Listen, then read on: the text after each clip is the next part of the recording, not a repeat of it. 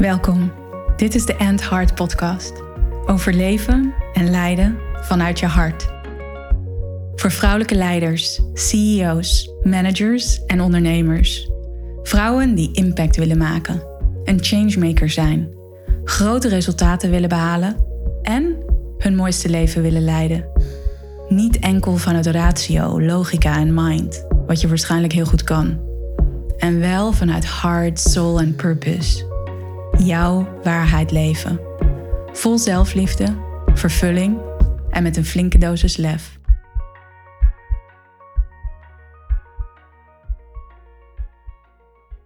Ja, welkom Mariette.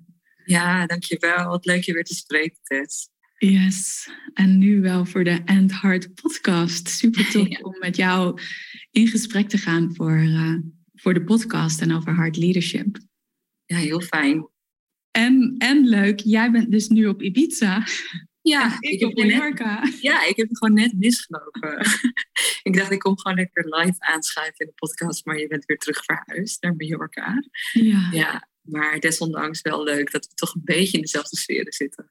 Ja, al twee, eilandmeisjes. Precies. hey, en wat bracht jou naar Ibiza nu? Ja, ik ben bij een heel fijne retreat geweest. Corazon eh, Retreat heet het. En uh, echt was een heel homecoming retreat heet het. Dus het was heel veel self-care. Ik heb uh, cupping gehad, massages, allerlekkerste eten wat je maar kunt voorstellen. Dus ik ben helemaal in de watten gelegd.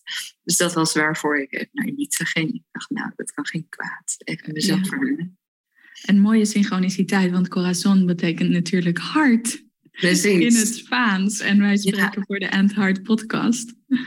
Precies, terwijl ik nog op het Corazon Retreat ben, na de laatste dag. En hoe ben je thuisgekomen in de afgelopen dagen? Ah, nou, dat, wauw, wat een super mooie vraag. Het is zeg maar, als ik, als ik zou zeggen um, wat mijn gift is, uh, dan is dat voor mij een hoger liefdesbewustzijn brengen.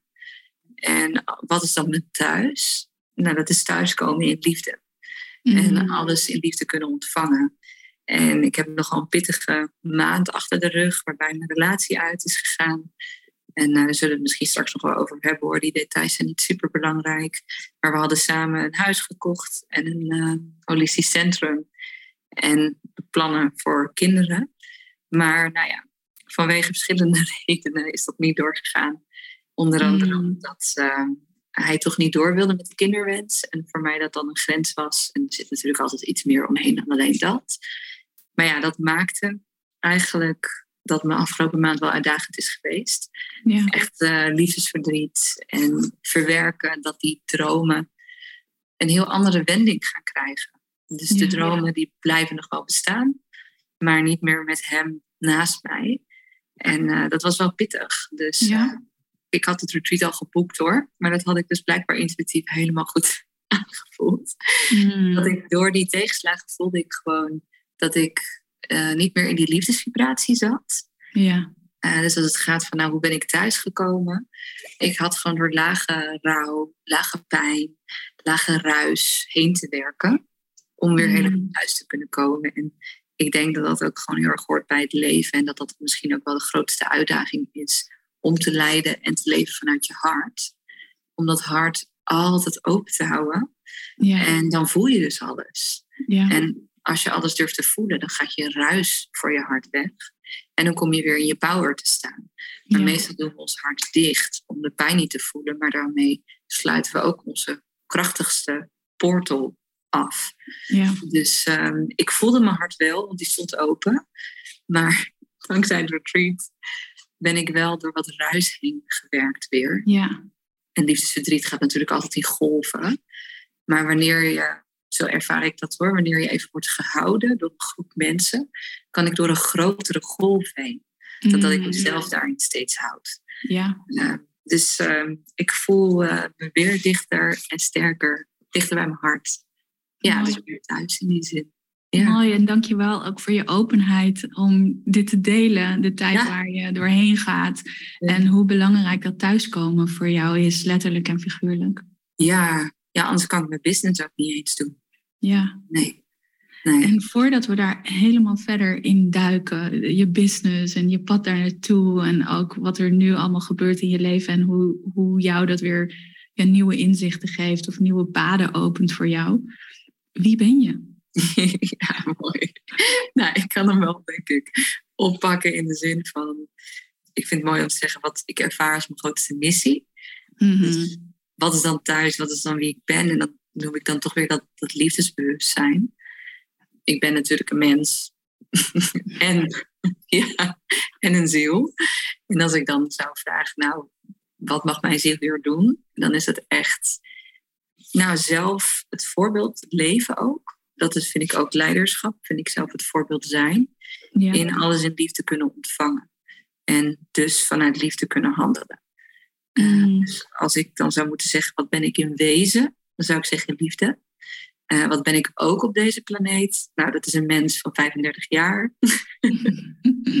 Die, uh, ik heb een business in Amsterdam, twee bedrijven. Eén heet de Upstarter, dat is een uh, opleidingsinstituut voor, ehm, ja, voor healers en coaches. En de andere is Make Love Work, dat is een platform voor mensen die werk maken van liefde. En dat is ook waar wij, wij elkaar van kennen. Ja de intentie van het platform is echt om je tribe te vinden, om mensen te vinden die je kunnen versterken en die je kunnen dragen en steunen. Omdat ik voel dat we alleen zo op een hoger platform kunnen komen.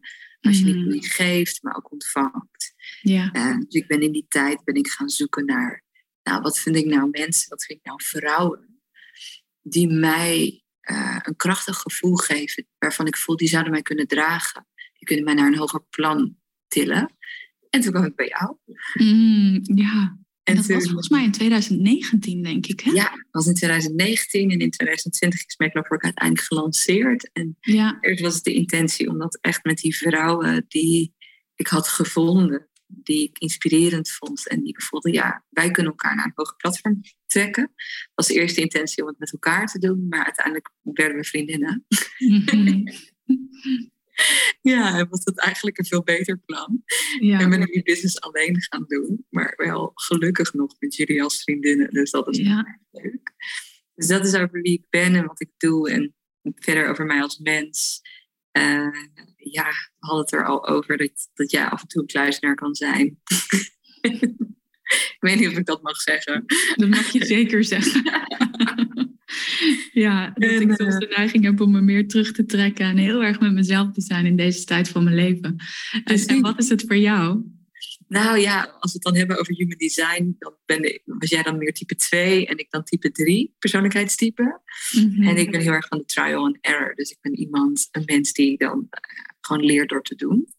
En ik hou heel veel van gezelligheid en warmte om me heen. Dus ik ben ook heel blij om in Amsterdam te wonen. En uh, ja. ja. om daar met mijn meeste geliefde mensen om me heen te zijn. En op een dag ben ik net als jij ook wel op Mallorca wonen of Ibiza of een eiland.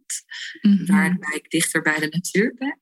Maar ja. vooralsnog ben ik gewoon erg gehecht aan alle aan mijn community en aan mijn tribe om me heen. Ja, dus ik kan het alleen maar aanraden om op een eiland in de natuur te wonen. Ja, wat brengt het jou? Wat het mij brengt? Ruimte. Letterlijk en figuurlijk ruimte. Ik hou enorm van de natuur. Er was een moment in 2018 dat ik op een berg stond en dat ik dacht van, huh, dat was in Spanje. Ik sta hier in de natuur, ik zie die berg, ik zie die ruimte, ik voel die ruimte, ik ervaar het, ik zie in de verte de zee. Wat doe ik in Amsterdam? Hier gaat iets fout, want ik voelde in dat moment hoe belangrijk dat was om in zo'n omgeving te leven. En eigenlijk in dat moment maakte ik ook de keuze. Amsterdam is nu een goede plek voor mij in dat moment 2018. Maar ik wist dat, dat ik weer in de natuur wilde wonen. Ja. En of dat dan in Spanje was of, of ergens in Nederland, waar je ook hele mooie plekken natuurlijk hebt. Dat, dat was toen nog even in het midden. Maar in ieder geval dat gevoel van die ruimte, dat geeft mij letterlijk en figuurlijk in mij ruimte. En dat heb ik nodig om, uh, om te leven en te leiden zoals ik doe. En mezelf inderdaad te ontwikkelen, om te groeien. Nou, dat vind ik wel mooi, omdat we het ook heel kort hadden over human design. En ik leer dan heel erg van doen. In Amsterdam is er veel te doen. Ja. Uh, er is heel veel beweging. Dat is hoe ik merk dat ik leer en dat ik groei. En een kluizenaar type in de human design, die heeft zich natuurlijk terug te trekken. om in die ruimte voor jezelf eigenlijk tot nieuwe ontdekkingen te komen. En dat is precies wat jij aan het doen bent. Je bent in een soort van laboratorium in je eigen hart. Ja, van alles aan het ontdekken. Precies. En jouw laboratorium gaat dus veel meer over experimenteren en leren door te doen en trial and error. En ik ben ook benieuwd, hè, als je kijkt zo naar jouw ontwikkeling. En je, je zegt net ook, ik heb twee bedrijven, de Upstarter en het platform Make Love Work. Als je zo kijkt naar jouw ontwikkeling als leider, als, als zakenvrouw, businesswoman. Hoe zie je die trial and error daarin terug? Ja, enorm. ja, dus het is denk ik als het gaat over ondernemerschap, dat het heel veel mensen weerhoudt om die stap te nemen, omdat ze denken: ik moet alles al uitgedacht hebben. Het concept moet kloppen. Ik moet alle opleidingen hebben die er zijn. En ik moet uh, een prachtige website hebben. Alles moet er al zijn. En dat is denk ik het voordeel van zo'n trial and error persoon zijn zoals ik. Dat staat ook op de website van de Upstarters. Start before you are ready. Ja ik heb heel erg geleerd wat mijn bedrijf eigenlijk is door het te doen. Ik mm. moet ook eens de brug bouwen terwijl je er overheen loopt. Maar als het gaat over leiden vanuit je hart, dan is het enerzijds dat je iets visualiseert, een plan maakt, een strategie maakt en dat uitvoert en uitrolt, zo goed mogelijk als je kan. Eh, en gedisciplineerd ehm, en gefocust richting je mhm. doel beweegt. En anderzijds is het gewoon meebewegen met wat het leven wil. Ja. En luisteren naar wat vraagt het leven nou eigenlijk van. En omdat ik nooit een heel tot de puntjes doordacht plan heb gehad, heb ik heel erg opengestaan voor wat vertelt het leven nu. Ja. En dat zijn een van de dingen, ik denk dat dat mijn grootste kracht is als ondernemer, dus hoe zie ik dat dan terug? Is dat ik altijd start met een hele heldere intentie, en een heel mhm. helder beeld van wat ik zou willen bereiken. En dan gewoon het leven laat gebeuren. Dus natuurlijk werk ik gedisciplineerd naar mijn doel. Maar dat ik vervolgens kijk, maar wat wil er nou echt ontstaan? En hmm. de Upstarter heeft niet vanaf het begin opleidingen gehad gericht op coaching en healing. Dat is mijn eigen achtergrond geweest. In de eerste instantie gaf de Upstarter training om te ontdekken wat je passie is. Ja. En om vanuit je passie en vanuit je hart te werken. Dat was het oorspronkelijk. Ja. En toen dacht ik van ja, maar ik vind het eigenlijk veel leuker om mensen mijn passie te leren. Mm. dat is coachen en healen. Ja, en dus, want jij hebt die stap ook al vroeg genomen, toch? Als ondernemer, om, om te gaan ondernemen, al vroeg in je leven. Ja, 26. Ik was 26 toen ik startte. En uh, ik was 19 toen ik mijn eerste baan had. Uh, mijn echt een grote mensenbaan, zeg maar. Dus mm als docent in filosofie, uh, religie, geschiedenis, maatschappijleer. Ik, had, uh, ik was in verschillende disciplines afgestudeerd. Ik had twee, twee leraren bevoegdheden op zak. Ja. Dus vandaar dat ik zo'n mengelmoesje aan vakken kon geven. Dus ik had van mijn 19e tot mijn 26e ervaring in leiden, leiderschap eigenlijk, in trainingen geven. Je noemt dat dan lesgeven. Maar werken met groepen. En toen ik 21 was, ben ik een coachopleiding gaan volgen. En toen ben ik ook nou, al denk ik het jaar daarna gaan oefenen met coaches. Uh, en dat waren vaak mijn leerlingen. Dus ik ben vanaf mijn 22e ook echt gaan coachen. Dus ik heb al, toen ik 26 was, had ik al vier jaar ervaring als coach. En zeven jaar ervaring als trainer, docent. Mm. En toen dacht ik van nou, dan ga ik het maar gewoon proberen. Want ik ben er nog lang niet klaar voor. Mooi, dus daar komt ook die trial and error van oké, ik ga het gewoon doen. Ja. ja. Nou ja, dat is gewerkt, het is gelukt. Ja, en best wel goed gelukt ook, toch? Ja, het is best wel heel goed gelukt. Wat beter dan dat ik eigenlijk ooit had gedurven denken. Ja. Hmm. ja. Ja, het is heel organisch gegaan. Want wanneer ben jij gestart met ondernemen? Dat wanneer ik naar jou keek, naar jouw ondernemerschapsreis. Mm ik zag bij mezelf, laat ik dan even zag, zeggen wat ik zag bij mezelf en dan wat ik zag bij jou. Ja. Maar bij mezelf heb ik in mijn beleving heel organisch gegroeid. Dus mm ik verdiende na een half jaar kon ik al verdienen van mijn business. Dat is best snel voor de meeste mensen. Uh, maar dat was dan nou, 2000 euro per maand. Dat ik dan verdiende na een half jaar. Dus daar kon ik gewoon net mee rondkomen. Daar was ik helemaal tevreden mee. Uiteindelijk is dat gewoon heel organisch is dat gegroeid. Maar echt pas na jaar vijf of zo was ik financieel stabiel. Dus ik Mhm. begon al iets meer te verdienen. Maar ik had soms nog tegenslagen. Ik dacht nog regelmatig dat ik failliet zou gaan. Eh, dat was altijd zo'n Mhm. dramatisch ding. Zo van, Ja. ga ik er niet? Ga ik het wel redden? Dat heb ik echt best wel lange tijd gedacht. Ook al verdiende ik goed en steeds iets beter, voelt het voor mij nog niet echt heel stabiel en nog niet echt overvloed. Dat heb ik pas vanaf jaar vijf is het overvloedig geworden. Ja. En als ik naar jou kijk, dus ik heb daar dan, laten we zeggen, zeven jaar voor nodig gehad. Mhm. En als ik dan naar jou keek vanuit mijn gebrekkige kennis toen die tijd, dan dacht ik, ja, maar Tess, die is na twee jaar, na één jaar, is hij ineens gewoon zo als een vuurpijl de lucht Mhm. ingeschoten. En ja, maar dat kan toch bijna niemand? En dan gaat ze nu andere mensen leren hoe dat kan. Maar de meeste mensen kunnen dat dan toch niet? Dus nou, wil je daar, wil je daar wat over vertellen? Ja, daar wil ik graag iets over vertellen en iets over delen. Want dat gaat inderdaad niet zomaar. Ik geloof eigenlijk ook niet dat het, dat het kan, dat het zomaar gaat. Nee, maar in mijn beleving was je dus een vuurpijl. Dus vertel. Ja, ehm, aan de voorkant misschien wel. Of in ieder geval in hoe zichtbaar ik was. Maar ik heb in mijn hele leven zes maanden in loondienst gewerkt. En dat was in 2010. Ik ben altijd een vrije vogel geweest. Dus nadat ik afstudeerde psychologie en ik heb een master in psychologie, ben ik de wereld over gaan reizen. En heb ik in New York gewoond en in Sydney. Overigens had ik toen die trial and error fase in mijn leven. Als ik daar nu op terugkijk, toen deed ik gewoon. En ik wilde heel erg mijn vleugels spreiden. En andere mensen dachten volgens mij ook soms van wat doet zij en hoezo. Maar dat was toen heel erg mijn manier van leven. En toen Ja. kwam ik terug en toen ben ik in, heb ik even in loondienst gewerkt. Maar ik merkte al heel snel met die vrijheid die ik daarin niet ervaarde.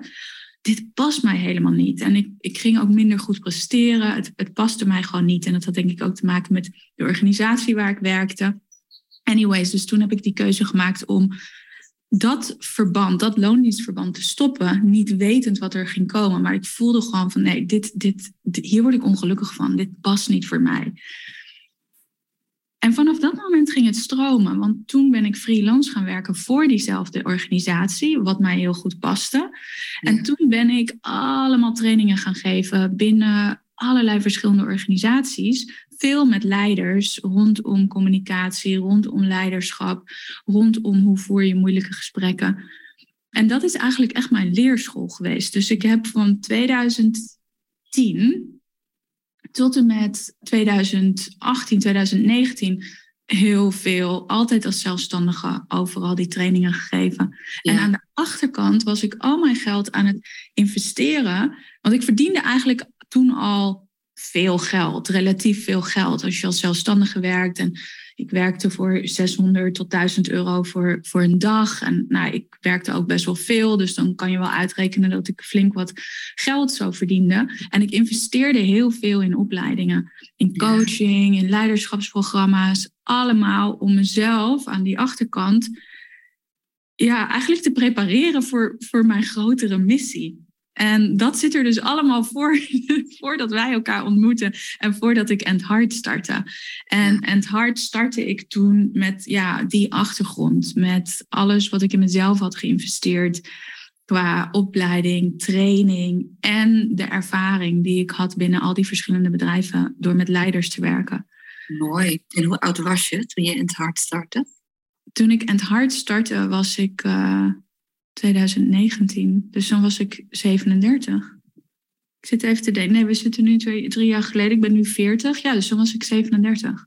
Ja. 37 dat ik End Hard startte. En, en daarvoor had ik dus een ander bedrijf... wat gewoon Tess Keizer Training en Coaching heette... als zelfstandige. En Ja. End Hard is echt mijn, ja, mijn bedrijf. En nu werk ik met een klein team. En ik ben het gezicht van End Hard. Maar daar zit een hele achterkant achter... om, ehm, ja, om te doen wat we doen. En om ook te kunnen doen wat ik doe. Want ik realiseer me meer en meer... hoe belangrijk de support ook daarachter is dat ik me gedragen voel en me ook laat dragen om te kunnen doen wat ik doe. Ja, nou heel Ehm. Ja, en dat is misschien ook wel wat ik ook heb geleerd. Ook in al die tijd dat ik misschien heel veel uitvogelde met mezelf. Ja, of in mijn eentje, misschien herken je dat ook wel. En dat ik me nu nog meer realiseer hoe belangrijk dat team is. En dat ik me laat dragen. Dat ik me niet voortdurend het gevoel heb dat ik me ook met dingen moet bemoeien. Maar dat ik, dat ik het ook echt bij mensen mag laten die mij graag willen ondersteunen. Of die graag een rol willen pakken in End Heart. Een andere rol dan dat ik vervul. Ja, ja, Lang antwoord op jouw vraag. Nee, nee, dat vind ik een heel mooi antwoord. Want het, sluit ook aan bij dat stukje dat wij elkaar hebben ontmoet. Uh, vanuit die missie van Make Love Work. Van, laat je dragen. Want dan kan je groter worden. En dat ben jij voor in het hart gaan doen met je team. Ja. En ben je trots waar je dan in drie jaar tijd bent gekomen? Ja, super trots. Ja, Super, super trots, super blij, super dankbaar vooral dat ik dit werk mag doen. Ik heb dus net een retreat geleid hier op Mallorca met fantastische vrouwen die zich, uh, ja, die zich uitgenodigd voelden om met mij mee te gaan. En, um, en die investering te doen in zichzelf en dat grote commitment aan zichzelf. En ja, daar voel ik me zo dankbaar dat ik dat, uh, dat ik dat mag doen, dat ik dat kan doen. En dat ik ook elke keer de stretch opzoek in mezelf om dat te kunnen doen. Ja. Want het gaat over mezelf ook elke keer stretchen, elke keer ja, het niet comfortabele opzoeken. Om ja, daar ben je wel in. Om die stappen te maken in mijn business. Daar ben ik denk ik wel goed in. Ja. Daar hebben die tien jaar dus, die het mij, of negen jaar, die, nou tien jaar, die het mij heeft. Uh, uh, die ik heb genomen eigenlijk om uit te vinden, om te experimenteren, om, om te leren. En in dat proces zit ik ook nog steeds, want ik weet dat ik nog steeds aan het leren ben en mezelf aan het voeden ben met informatie die, um, die ik kan gebruiken om te leiden. Ik vond het ook mooi wat jij net zei over, ik geloof in dat leiden ook gaat over zelf het voorbeeld zijn. Ja. Practicing what you preach. En dat is ook wat ik doe. En hoe doe, hoe doe jij dat, practicing what you preach? Ja, nou, het, het is uh, inhoudelijk qua thema, thematiek die ik behandel. Dus ik ben business coach, maar ook relatiecoach. En soms zou je denken, hè, hoe kunnen die twee nou samen gaan? Maar in principe, ja, je, het, het gaat over die masculine en feminine energie. Uh, Die samenkomen als je gaat ondernemen. Maar die komen ook samen in een, in een relatie. Het gaat ook over jezelf toestaan heel veel te ontvangen. In de liefde, maar ook in het leven en dus ook in je business. Dus voor mij is dat heel erg gelijk aan elkaar. Sowieso, hoe je één ding mm. doet, doe je alles. Uh, maar business en relaties vind ik een heel belangrijk thema. Omdat als het gaat over business... Nou, we werken zo'n 80.000 uur in ons leven. Ja, als het Holy 80, moly. Ja, het is bizar. Dus stel je voor dat die 80.000 uur ongeïnspireerd zijn besteed. Ja. Dat je niet iets doet waar je hart eigenlijk wil zijn of waar je hart zichzelf in wil leggen. Nou, dat vind ik dus echt een nachtmerrie. Dus daarom heb ik zoiets, oké, dat business stuk vind ik heel belangrijk. Want mhm. nou, dan hebben we in ieder geval 80.000 gelukkige uren gehad en zinvolle uren. Ja. En waar ben je de andere helft van de tijd? Nou ja, dan vind ik dat de kwaliteit van je leven vooral wordt bepaald door je relaties. In de eerste instantie je liefdesrelatie. En daarna ook de ondersteunende vriendschappen die je hebt. En daarin merk ik ook dat mensen niet altijd in staat zijn om echt te ontvangen of vanuit overvloed te denken. En ook mm. heel erg vastzitten in, in constructen van hoe ze vinden dat ze moeten zijn in een relatie, of hoe ze vinden hoe ze zouden moeten zijn in een vriendschap. En dat het vaak we niet helemaal bij machten zijn om ons authentieke zelf in te brengen in een relatie, of om wezenlijke verlangens uit te spreken. En dat zie ik dus ook zo met business. Dat het ons niet altijd lukt om in een baan onze authentieke zelf te zijn en te laten zien en onze wezenlijke verlangens uit te spreken en te leven. Dus dat zie ik gewoon terug in relaties mm. en, in, en, in, business. En ja. als dat je lukt, weet je wel, wij pasten alle twee niet in het traditionele systeem. Nee. Ik paste ook niet in het onderwijs, ik voel me gevangen. En uh, ja, dus ik kon mijn authentieke zelf niet helemaal zijn. Ja. Dus dan kun je denken, oh, er is iets mis met mij, ik moet me aanpassen. Dit is nou eenmaal hoe het werkt. Of je kunt een andere weg kiezen en denken, goh, wat zou dan wel voor mij werken? Hoe kan ik condities creëren ja. binnen een bestaande bedrijf of als ondernemer? Want ondernemerschap is niet voor iedereen weggelegd. Je kunt ook een intrapreneur zijn, dus binnen je bedrijf een ondernemende functie hebben. Ja. En dat is voor mij leider zijn. Dus dat je uh, echt je eigen pad loopt. Mm. En dat je bepaalde uitdagingen helemaal hebt doorleefd, waar jouw klanten in dit geval, of je publiek, of wie je dan ook moet aansturen of meeneemt op reis, dat je dat zelf echt al hebt belichaamd en doorleefd. En ja. dat is wat ik zowel op het gebied van liefde uh, doe, en als, als, het gebied, uh, als op het gebied van ondernemerschap. Ja, dus dan gaat leiderschap ook echt over enerzijds dus je verlangens echt durven, durven nastreven. Ja, zeker. En, en durven ontvangen. Ja, heel. Ja. ja, we durven het vaak niet uit te spreken omdat we bang zijn dat we ze niet mogen of kunnen ontvangen. Ja. Of dat we vinden dat we het niet verdienen. Ja. Dat ook. Ja. Ja, mooi. mooi. En, dat, en dat gaat ook, ook over het thema geld, waar we het ook over hadden. Hè? Dat het ook zo gaat, ook als ondernemer. Van, ja, mag ik echt ontvangen? Mag ik die klanten ontvangen? Mag ik dat succes ontvangen? Mag ik dat geld ontvangen? Ja, ja en dat vind ik ook wel mooi. Dat wilde ik eerder, eerder nog aanhaken. Dat jij dus, het gaat ook over geld. Dat jij dus, uh, nou ja, echt in jezelf hebt geïnvesteerd. Eh, vaak naar Joe Dispenza trainingen en echt dure trainingen. En dan stond ik gewoon te kijken, wow, Jess heeft lef dat ze dat durft. Die echt tienduizenden euro's, die investeert in zichzelf. En dan voelde ik me al, ging ik bij Great Communicators een, een communicatieleiderschapstraining doen van 2.500 euro. dacht ik echt, poe, poe, poe, dat was veel. dat was een soort van mijn eerste grote training-investering die ik deed, ja. jaren terug. En nou ja, als je dan eenmaal die stap hebt genomen, dan ja, ik merkte, hey, hier heb ik veel aan. Ik ga vaker in mezelf investeren. Dat werden ook grotere bedragen. Maar voor mij, ik verdiende namelijk niet zo heel veel. Want ik was mijn referentiekader, als het gaat over je salaris, mm was het onderwijs. Ja. Dus ehm, ja, dat zat zo'n beetje tussen de 2 en de 3000 euro per maand, wat je dan verdient. En dat, dat was mijn referentiekader. Dus een training uitgeven van 7000 euro, dat zijn gewoon drie maand salarissen, ja. tenminste. Dus dan dacht ik, wow, dat is heftig. Ja. Uh, en jij had wat dat betreft een ander referentiekader ook van, oh, maar ik verdien veel meer per maand. Dus dan kan je ook meer uitgeven. Dus ja. het heeft heel erg te maken met money mindset. Wat vind je dat je mag verdienen? Wat vind je normaal maandsalaris?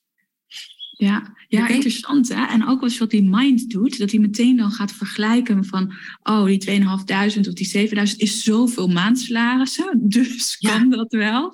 Ja. En het ook zo gaat over je verlangens hè, durven naleven, of die keuzes te maken die in lijn zijn met je verlangens. En ook vanuit die uitwisseling, vanuit die energetische uitwisseling van, oh, ik doe die investering.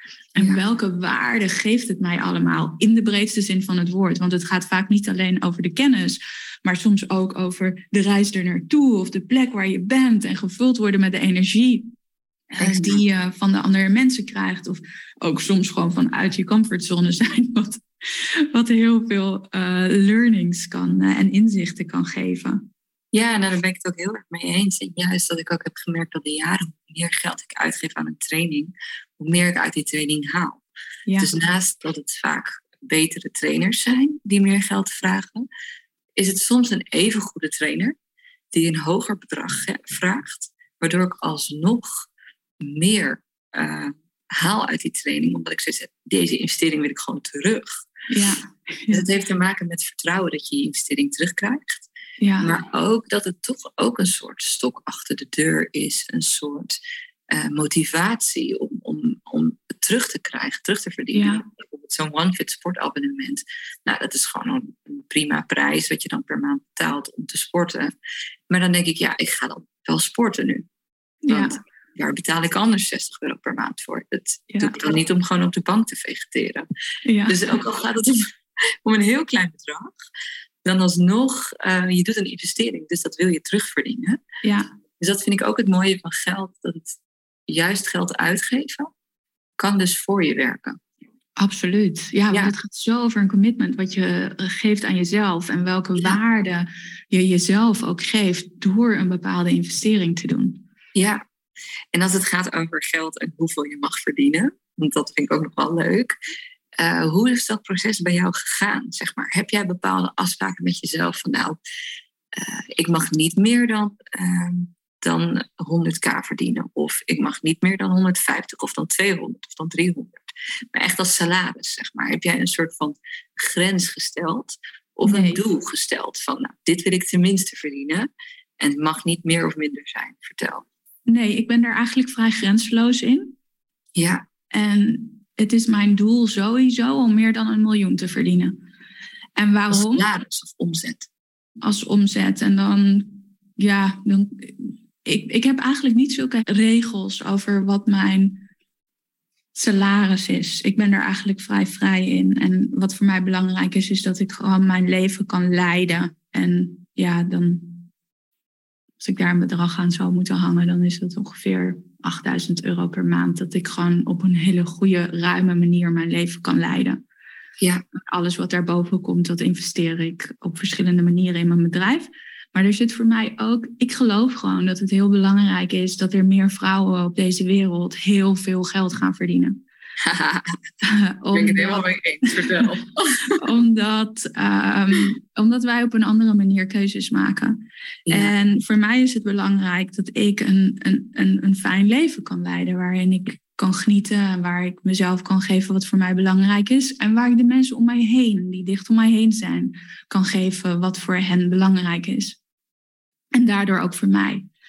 Uh, en wat ik nog belangrijker vind, is dat ik ook kan investeren in bedrijven of in concepten of ja. in foundations waarvan ik geloof vanuit de grond van mijn hart dat ze een positieve bijdrage leveren aan deze wereld. Ja. En dat die, die organisaties of die foundations of die concepten waarin ik mijn geld wil investeren, dat die echt die verandering brengen.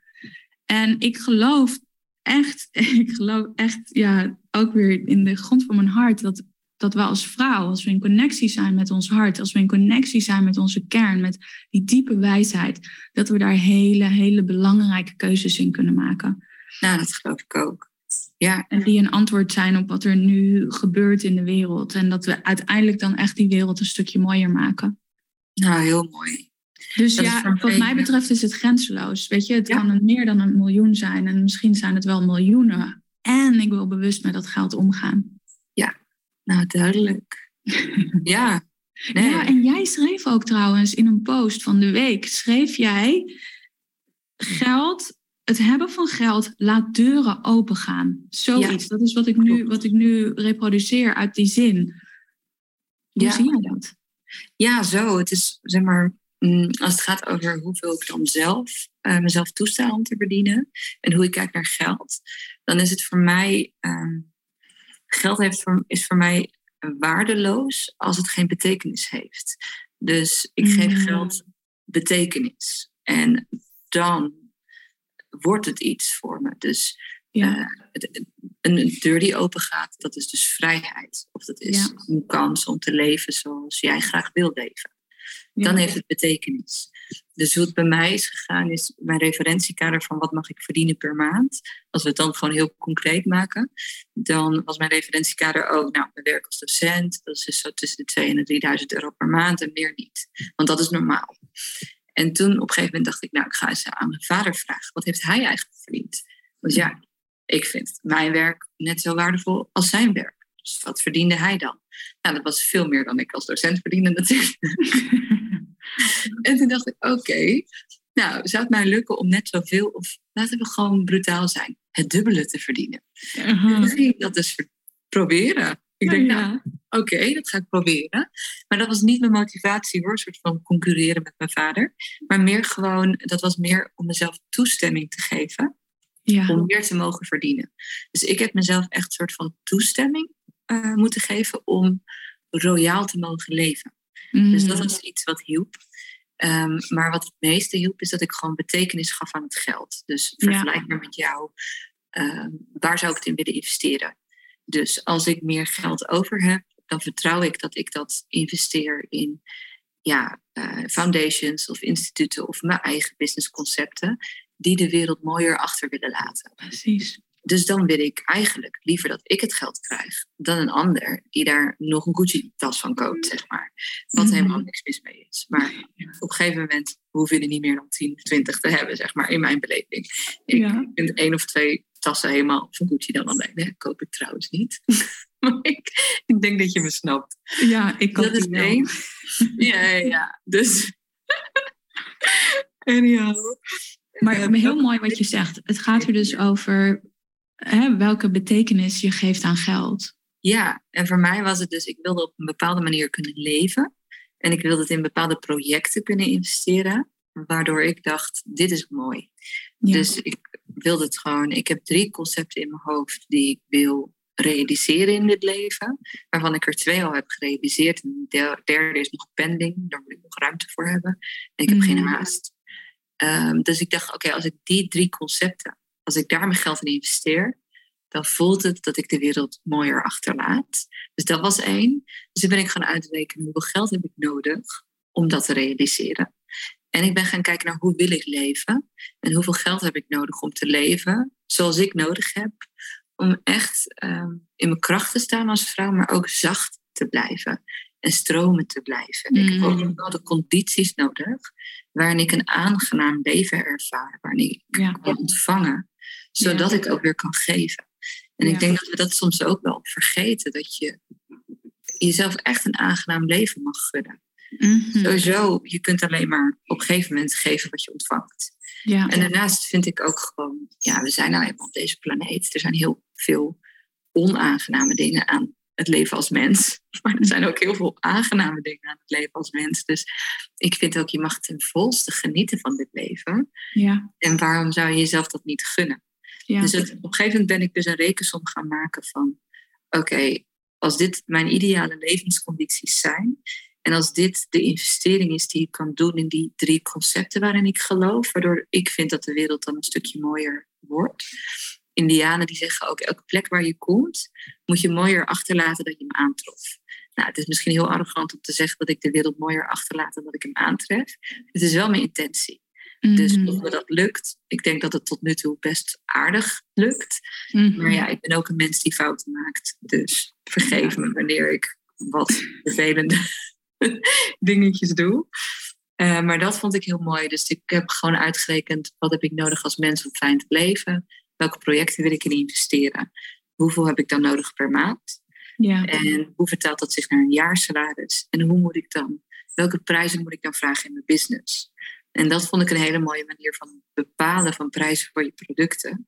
Omdat Mhm. ik gewoon ging kijken naar wat heb ik nodig. En een van de dingen die ik ook nodig heb is, eh, net zoals jij zegt, een team.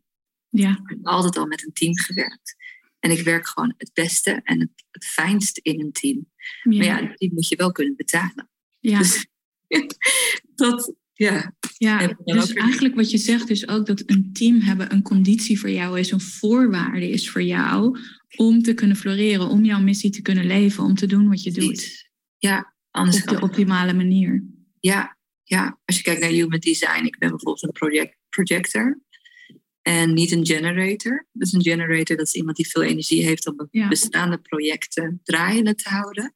Dat ben ik. Ik heb die energie niet. Ik ben meer een creator. Ik ben een maker. Ik heb een bepaalde visie over hoe mensen en systemen werken.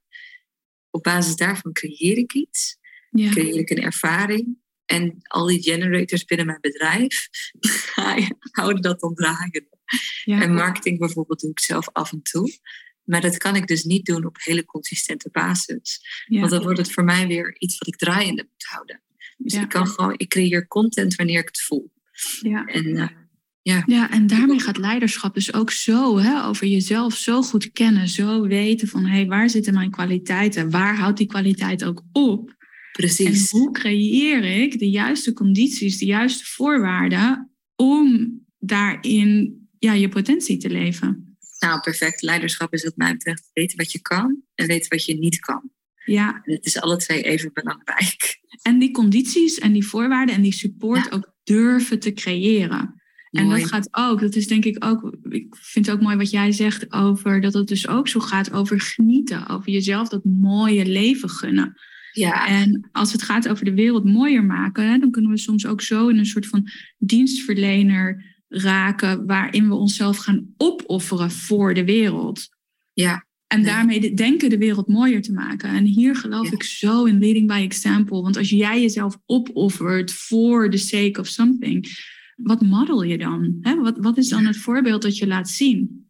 Ja, nou, en hoe wordt de wereld daar beter van? Beter van, nee. Het is een voorbeeld van zelfverloochening. En dat, ja. dat, ik denk niet dat dat, dat dat nastrevenswaardig is. Ik denk juist dat zeker als vrouwen, dat we, dat, dat een van de dingen is waar we heel erg op moeten letten. Dat vrouwen echt geneigd zijn om zichzelf te verloochenen. Ja. En uh, bij mij helpt de mantra gewoon heel erg. Ik kan pas meer geven als ik dat eerst heb ontvangen. Dus als ik dan gewoon graag wil geven, dan herinner ik mezelf oh, dan heb ik dus eerst meer te ontvangen. Want dan kan ik weer meer geven. Dus dat helpt ook. En de dingen die we nu bespreken, dat is een bepaalde strategie om je business te mhm. doen. Dus weten wat je kan, weet je wat je niet kan. Hoe denk jij over strategie en maakbaarheid versus mhm. het leven is gewoon het leven en gaat zijn eigen gang. Je, hebt je hebt op alles invloed of op niks. Ja, mooi en belangrijk thema wat je aansnijdt. En zeker ook in, in, in relatie tot leven en lijden vanuit je hart. En ik geloof dat we tot een hele grote mate invloed hebben op wat we creëren. En dat we daar bewust en intentioneel in kunnen kiezen. Ja.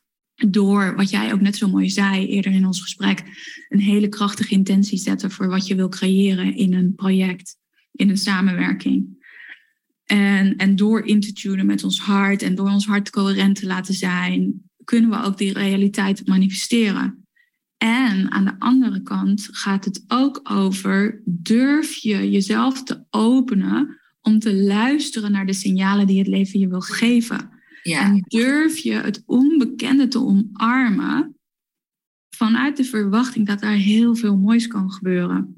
En dus ook dat het leven zich mag ontvouwen, of dat een project of dat een samenwerking zich mag ontvouwen op een bepaalde manier, waarvan je niet weet wat het gaat worden, maar durf je dat aan? En hier geloof ik ook dat dat ook echt leiderschap is, ja. om dat onbekende er te durven laten zijn. Precies, en dat vraagt een vrouwelijke kwaliteit binnen leiderschap. Dus ik denk dat ook omdat we in een nou, dat er zoveel in beweging is in onze huidige wereld. Dat vraagt ook kunnen zijn met het onbekende. En dat is een vrouwelijke eigenschap om met ja, een onbekend stuk te zijn en er ruimte voor te geven. Dus ik vind dat je het prachtig verwoord. Want ik zelf vind het, vind het moeilijk wanneer business coaches heel erg zitten op alles is maakbaar. Omdat ik zelf dat helemaal niet ervaar dat alles maakbaar is. En ik ook heel uh, ja, merk dat het leven heeft ook een plan met jou. Mm jij probeert zo goed mogelijk dat te voelen. En dat kan je voelen via je hart. Van wat is het plan voor mij? Hoe ben ik in alignment? Uh, maar dat is dus grotendeels luisteren. Ja. Dus bij mij gaat het zo vaak dat ik luister naar wat het leven van me wil. Dan zet ik intentie. Dan ga ik op mhm. pad lopen. Dan ga ik weer luisteren van... Heb ik dat beeld, heb ik dat juist ingekleurd? Of werd er eigenlijk nog iets anders van me verlangd? En mm zo gaandeweg kom ik er eigenlijk achter wat wezenlijk de bedoeling is. En dat heeft dus vooral met heel veel luisteren te maken en mijn eigen ego's weer opzij zetten van oké, ik heb dit tegen iedereen verteld, maar eigenlijk werkt het niet. Dus dan moet ik ook gewoon eerlijk zijn en mijn koers bijstellen. En dat is, vind ik dus niet gezichtsverlies leiden. Sommige ego's kunnen dat zo ervaren in jezelf. Maar ik vind leiderschap juist ook, uh, ja, luisteren en koersen bijstellen. En dus ook erkennen van, goh, ik ben een richting ingegaan. En die werkte niet helemaal. Maar ik heb wel mhm. geleerd hoe we het dan beter kunnen doen. Ja. Uh, en dat, dat het constant eigenlijk voortschrijdend inzicht is. Ja. Dus ik geloof in maakbaarheid en in strategie. Maar ik geloof ook in goed luisteren. En hoe, um, hoe zie jij dan uh, thema geluk of timing. Mm, ja. Want eh, hebben wij niet gewoon stiekem heel veel geluk? Want er zijn mm. heel veel mensen die uh, hun alignment checken en, uh, en luisteren naar het leven en ook ondernemen, maar die minder verdienen dan wij en minder succes hebben met hun businesses. Dus hebben ja. wij niet gewoon veel meer geluk dan andere mensen. Ik denk wel dat dat ook te maken heeft met de kwaliteit in hoeverre je kan en durft te luisteren. Mm. En dat het ook te maken heeft met een tevredenheid. Hè? Van wanneer ben je tevreden of wanneer voel je je vervuld? Dus het raakt voor mij een heel, ik ben ook benieuwd hoe jij daar naar kijkt, een heel aantal hele belangrijke aspecten. Want ik heb het gevoel dat mijn missie groots is en dat ik hier iets te doen heb. En dat, dat ik ook mag leiden door het voorbeeld te zijn.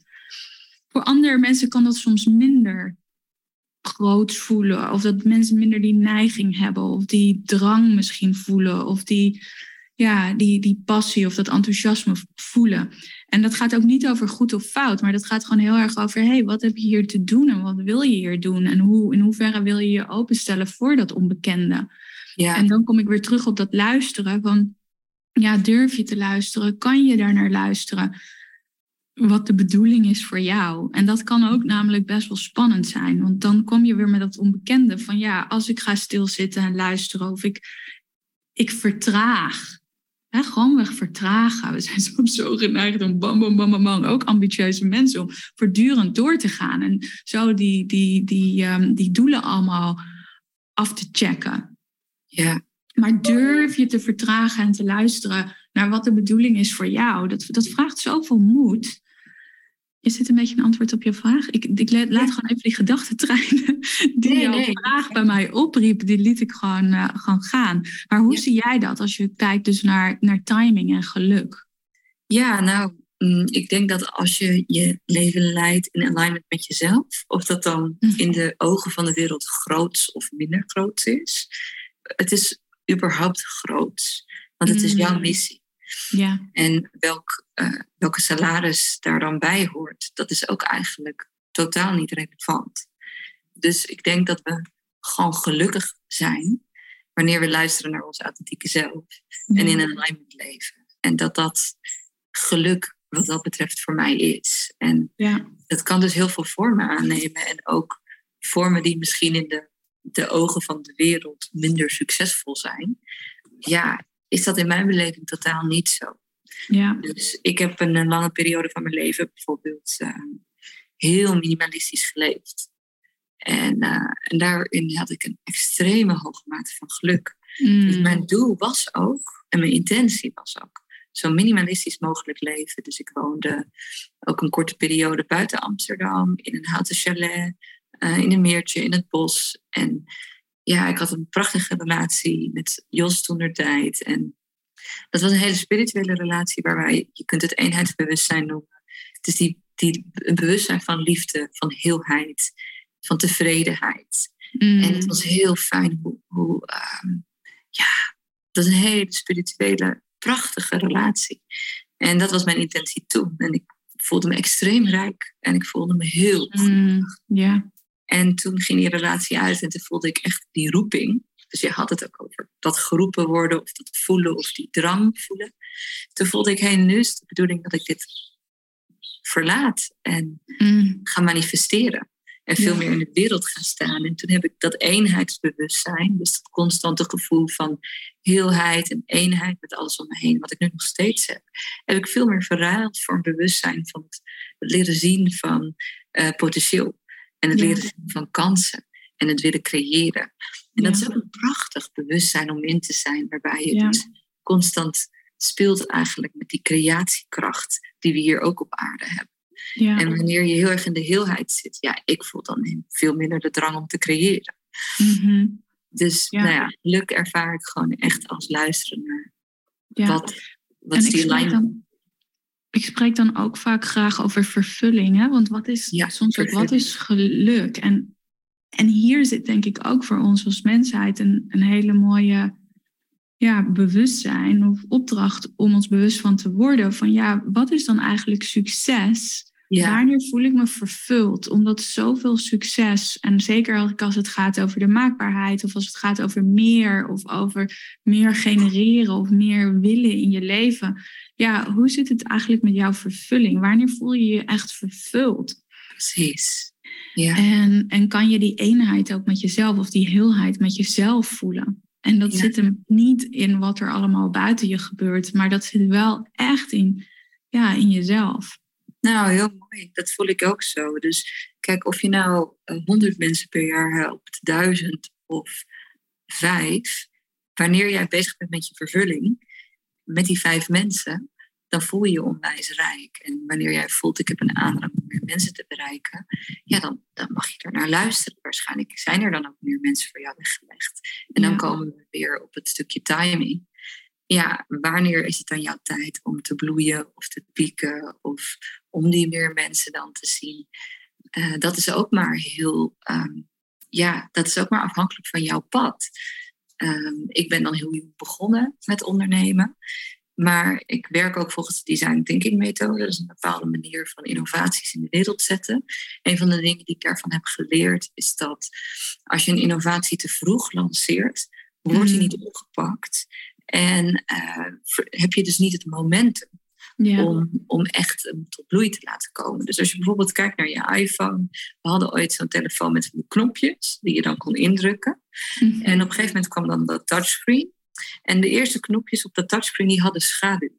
Nou, dat is natuurlijk helemaal niet nodig. Schaduw maken op een knopje op een touchscreen, dat hebben we ook helemaal niet meer. Maar dat was gewoon eh, voor mensen om hun te laten wennen aan. Je kunt dit mm. indrukken. Dus met zo'n schaduwtje lijkt het een drukknop. En nu hebben we die drukknop niet meer nodig. Dus het is een soort van tussenstapje om ons te laten wennen aan die innovatie. En zo kan het ook zijn dat jij iets hebt wat heel innovatief is voor deze wereld. En dat het nog niet helemaal je tijd is om dat in de ja. grootheid te lanceren. En dat heb ik ook gemerkt dat de Upstarter, zeg maar, heb ik zeven jaar geleden begonnen. En dat is echt werk van je passie. Dat was toen al, nou, nou, nou, nou. Jij bent zo'n kleine millennial, weet je wel, die denkt dat het werk alleen maar leuk moet zijn. En uh, werk maken van je passie. Ja, je moet gewoon van 9 tot 5 beuken. En, uh, en wees maar blij als een baan je aanbiedt. In die tijd was er jeugdwerkloosheid.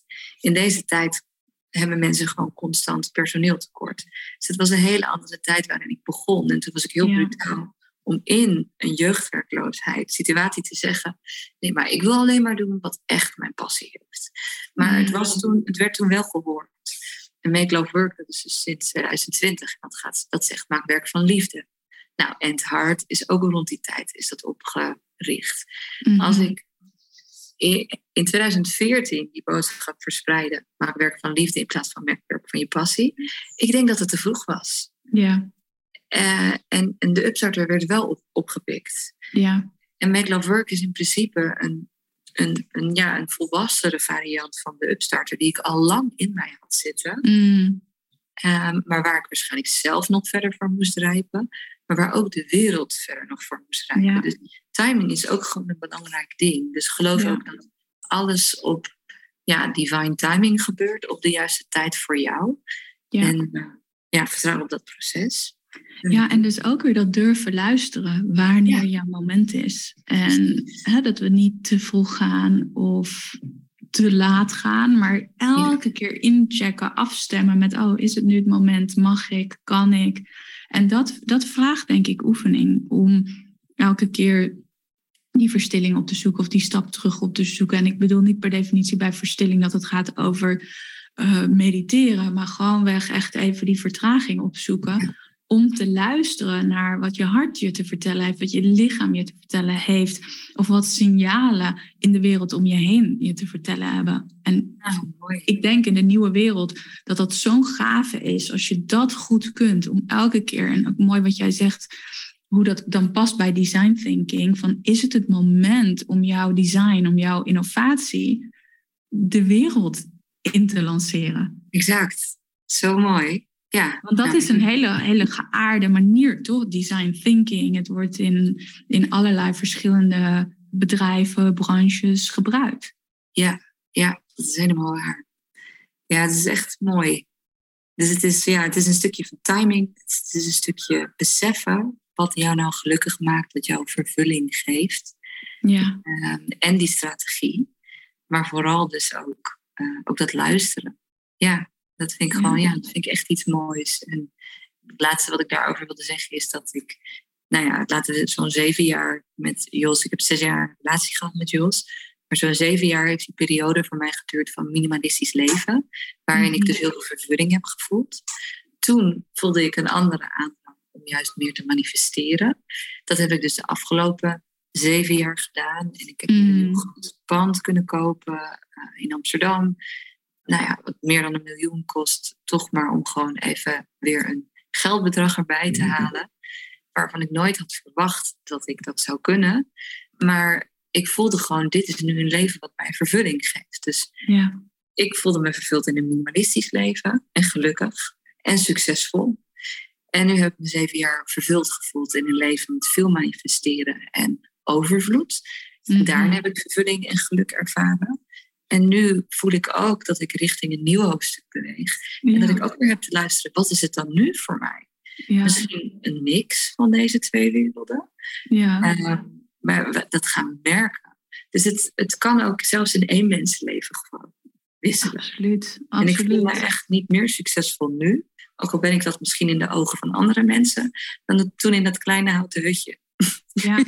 ja, en dan komen we dus ook weer zo terug bij van ja, wat is dan de definitie van succesvol? Hè? Waar, waar gaat, wat is succes? Waar gaat dat om? En ja. wat ik heel mooi vind in wat jij vertelt, is dat het dus elke keer over dat geluk of die, dat, dat gevoel van vervulling kunnen ervaren.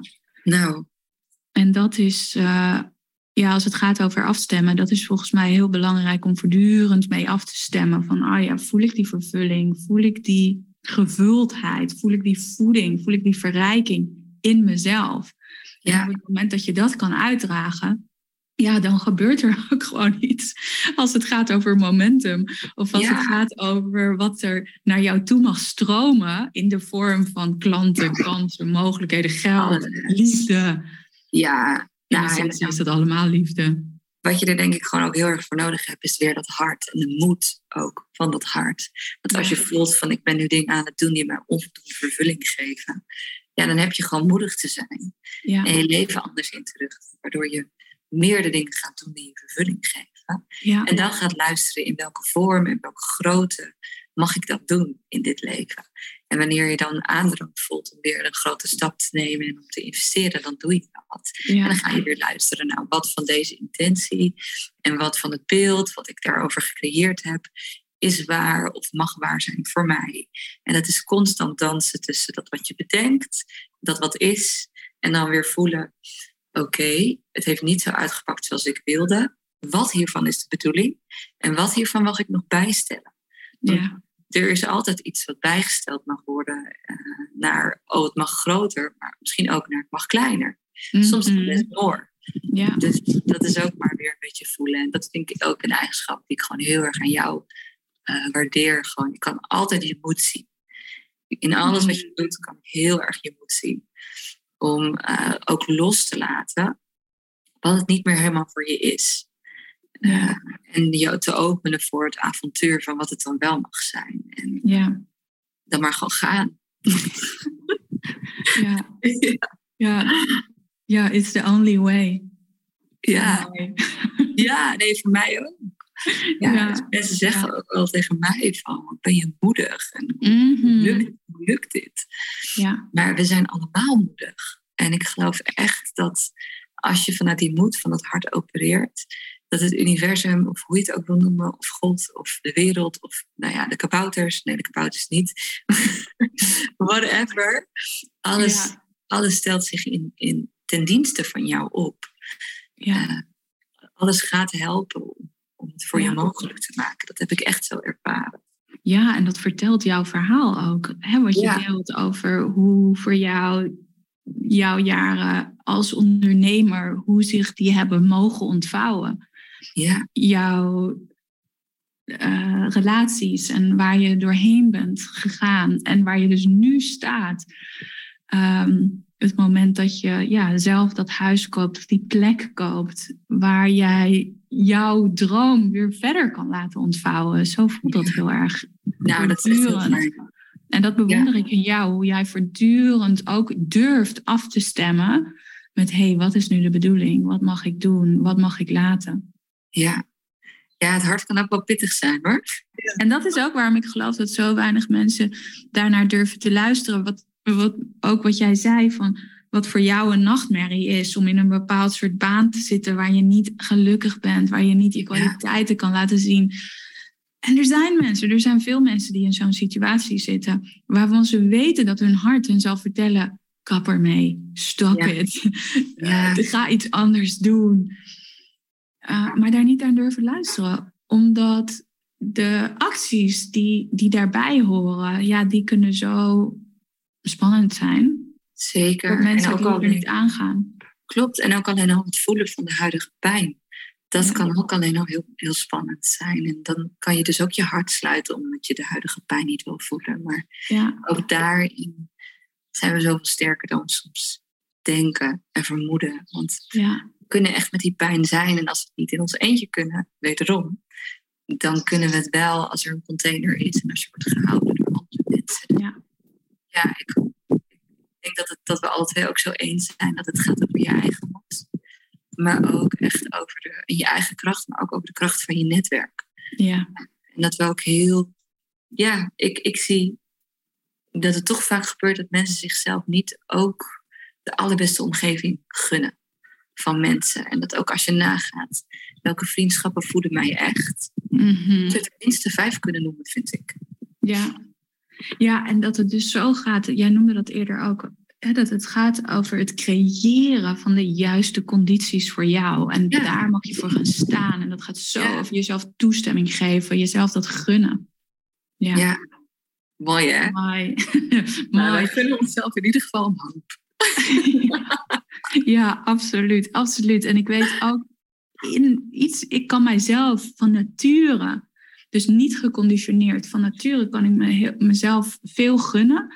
En, en soms kan ik me daar ook schuldig over voelen. En nu kom ik elke keer terug bij, nee, Waarom is dat belangrijk en hoe dient het mij in het leven van mijn missie en de impact maken die ik wil maken en de resultaten creëren die ik wil realiseren? Omdat ik weet dat die een positieve impact zijn. Dus elke keer daar naartoe terug om mezelf die toestemming te geven. Ontvangen is meer kunnen geven. Ja, ja. ja. Mooi. Mooi. En dat is denk ik een hele mooie afsluiter van, van dit gesprek en deze podcastaflevering. Ja, prachtig vind ik ook. Heel leuk om hier te spreken. Wil je hem nog één keer herhalen? Ontvangen is meer kunnen geven. Ja, mooi. Ontvangen is meer kunnen geven. Dankjewel, Mariette. Ja, jij ook. Het is, was fijn weer te zien. Dankjewel voor dit inspirerende gesprek. En uh, ja, ik ben ook benieuwd wat de mensen die luisteren, wat die daaruit halen. Dus uh, laat ons weten via DM op Instagram of LinkedIn. Of laat ons weten wat jou heeft geïnspireerd in, uh, in dit gesprek. Ja, dat zou ik ook inderdaad heel leuk vinden. En uh, als mensen zoiets hebben van, nou, ik wil ook echt iets met mijn bedrijf doen. Dus ik wil deze stappen nemen. En ik denk dat ze sowieso bij jou terecht kunnen natuurlijk voor je retreats. Ik geef ook een mastermind groep voor ondernemers die echt willen werk willen maken van hun liefdesproject. Dus je bent ook fysiek bij mij welkom. en anders vind ik het gewoon heel leuk om wat te horen. Inderdaad ook via Instagram. Ja. Kun, je, kun je volgen op de Upstarter Mikloop of Mariette Ruggenberg. Dan, ja, uh, en ik zal die allemaal in de show notes plaatsen. Dus oh, kijk in de show notes en dan kan je meer vinden over Mariette, de Upstarter, Make Love Work en al haar programma's. Ja, en via Mariette reageer ik gewoon als persoon. Dus dat vind ik het leukst. ja. hey, dankjewel Tess. Dankjewel. Doei doei.